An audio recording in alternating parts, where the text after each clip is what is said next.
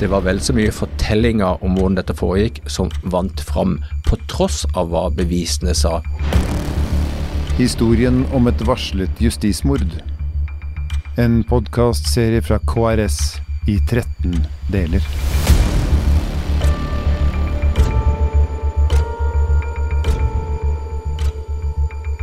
Del 7. Dette skjedde i 2000-2001. Eh, kunne det samme skjedd igjen? Ja, det tror jeg. Men først vil jeg hoppe tilbake og komme med en annen liten refleksjon. En eh, journalist er eh, ikke en spåmann. En journalist skal være god på det vi kaller det deskriptive, på å beskrive noe og fortelle noe som skjer. Det å bevege seg over på den andre siden, da, som vi gjerne sier, den normative siden, og beskrive noe er, ting, bør, kan, det er en sentralt spørsmål. Det forstår jeg veldig godt. Eh, og jeg kan gjerne ha noen meninger om det, men jeg vil gjerne ha den disclaimeren. Ja, det skjønner jeg. Men vi- vi har peket på lukketheten i, med tanke på å få tak i rettsdokumenter. Altså det at, det at ikke alt er åpent. Du, du, du ser det faktisk ikke. Slik er det fortsatt. Med den disclaimeren om at det er en journalist som er god til å beskrive og ikke like god til å spå, så kan vi allikevel peke på noen ting som uh, gjør at jeg mener at dette kan godt skje igjen. Politiet har mer enn noen gang behov for å fortelle fortellingen sjøl og holde på informasjonen om noe som har skjedd, og ikke dele. Her må det skje en kulturendring. Politiet må tørre å ha selvtillit nok på sin egne, e- egen etterforskning og kunne forstå når og hva som kan deles, og gi anledning til andre fortellinger. Akkurat som politiet har lært seg å drive avhør med åpne spørsmål og be folk forklare seg, så må man våge å ha en åpen holdning til sin egen rolle og forstå at andre kan ha andre fortellinger uten at det rokker ved politiets bevissituasjon. Anyway, politiet er én ting. Eh, dokumentasjon og pressens rolle eh, er en annen ting. Hvis en skal stille seg spørsmålet om kun dette skjedde igjen, så må man se ja, hva er den store endringen fra 2000 og 2001-2002 til 2023? Er det noen veldig stor uh, endring i hvordan man driver straffesaker da, Anders? Ja, eh, der er det jo og avhørsteknikkene annerledes. Man er mer moderne, man har bedre eh, eh, DNA-analyser, eh, teknikken er bedre, eh, man er bedre på sporbarhet. Men fortsatt så uh, foreligger det ikke opptak uh, av avhør eller av uh, nødvendigvis, og av hva som foregår i retten. Andre altså Sverige har jo allerede begynt med å filme, de har videoopptak av, av rettssakene.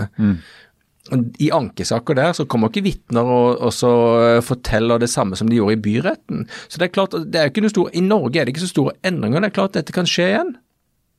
Men er ikke det også eh, Jeg tenker på som vi, vi sier nå, nå ser vi jo på Baneheia-saken i retrospekt. eh, og det er jo et, eh, et fortoner seg som et klokkerent justismord. Eh, en person har sittet i fengsel.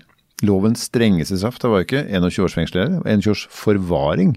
Så hvis ikke dette hadde kommet for en dag, så kunne jo Viggo Kristiansen blitt sittende til sin død.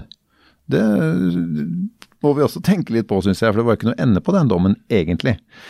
Men det at man åpner opp, det at man eh, videofilmer, det at man eh, tar lydopptak, og eh, bevisstheten rundt at dette skal eh, være helt offentlig, kan det også på en måte endre premisset for hvem som vinner frem i en rettsprosess? At de som er gode til å fortelle historien, de som er gode til å eie historien, skape den, at de blir enda bedre? At vi får andre skjevheter, da? Ja, det kan være det, men når ble det åpenhet og transparens og etterprøvbarhet et problem, da? Eh, De fleste av oss ser på det som et gode, og er det noe vi trenger, så er det etterprøvbarhet og transparens. Det har ikke den norske rettsstaten klart å utvikle veldig mye av eh, på 20 år. Snarere det motsatte. Da jeg fulgte nå eh, den siste eh, saken mot Viggo Kristiansen, så opplevde å komme etter å ha drevet lite krimjournalistikk i norske rettssaker i en del år, eh, at ting foregikk på skjermer hvor jeg som tilhører ikke hadde tilgang. Så den uh, retten er jo mer lukket enn den har vært noen gang. Uh, og det er et rettssikkerhetsproblem. Og jeg tror at uh, man godt kan Altså det at politiet får tunnelsyn, da. Det Mm. skjer. Det tror jeg er en uh, Det ligger nok til menneske... det ligger til menneskelig natur. Og grupper, ja. Absolutt, ja, ja eh, nettopp. Uh, så vi må være åpne for det. Vi må jo ha et eh, rettssamfunn som er robust. Mm. Og da trenger vi kontrollmekanismer. Jeg skriver jo også, problematiserer jo i eh, boka mi ganske inngående eh, forholdet mellom at vi i Norge har integrert politi og påtale. Men det har ikke endret seg. Vi har i dag Et av problemene med Baneheia er at eh, Arne Pedersen i liten grad hadde folk som kontrollerte hans arbeid og stilte spørsmål ved det.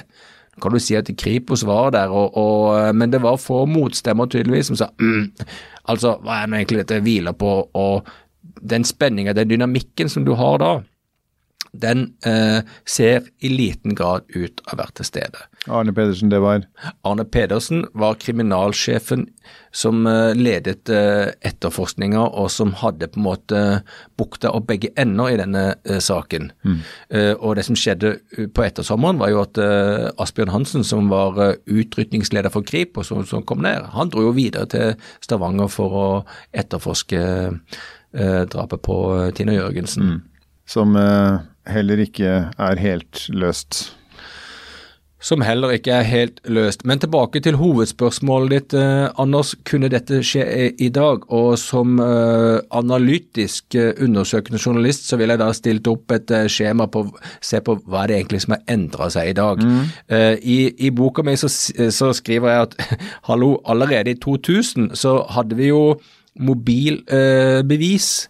Eh, det var jo noe nytt, og det var jo kanonbra. Vi hadde DNA-analyser, og vi hadde farge-TV. Jeg mener For meg eh, så var jo dette helt sjokkerende å oppleve at vi i det som jeg opplever som en moderne virkelighet Vi hadde ikke smarttelefoner, ellers var det ganske moderne, altså. Så det du peker på nå, er at det, det, det bevismaterialet som ble ignorert i 2000 og 2001, det at Viggo Kristiansen-telefonen faktisk ikke var i Baneheia, f.eks., da.